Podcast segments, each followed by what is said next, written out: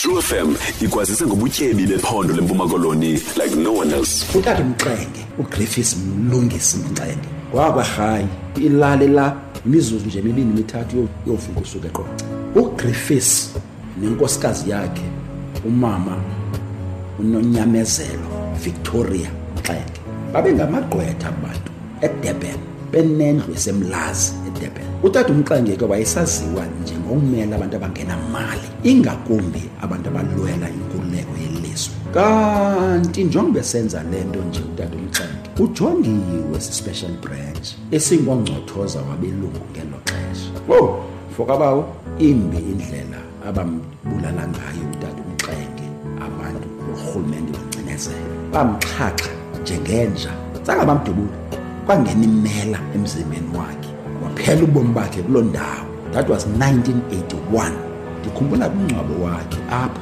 nge-4th kadisemba 1981 olo suku ke ndilikhumbula ngantoni? Lalungqamene ne-independence yeciskei ebisho stadium. Tata usebe uyaqhuba ngapha wenza i-independence uba umxenge yancwatywa kwarhayi kwakungcwele kuthe kwarhayi tata ututu lo bishop tutu was there wayelapha. Utata usteve tshwete wayelapha. Abantu babekhwele nasemithini ungcwatywa katata mxenge tata umlungisi griffiths mxele 1985 four years after that kwabulawa yinkosikazi yakhe umama uvictoria nonyamezelo kwasedurban yiyo le nto namhlanje ufumana imonument enkulu phaa kwerhayi kanye apha ekhohlo xa usuka edolophini yaseqonce usiya ngasebhayi. Khona imonument phaya eyi-victoria and griffiths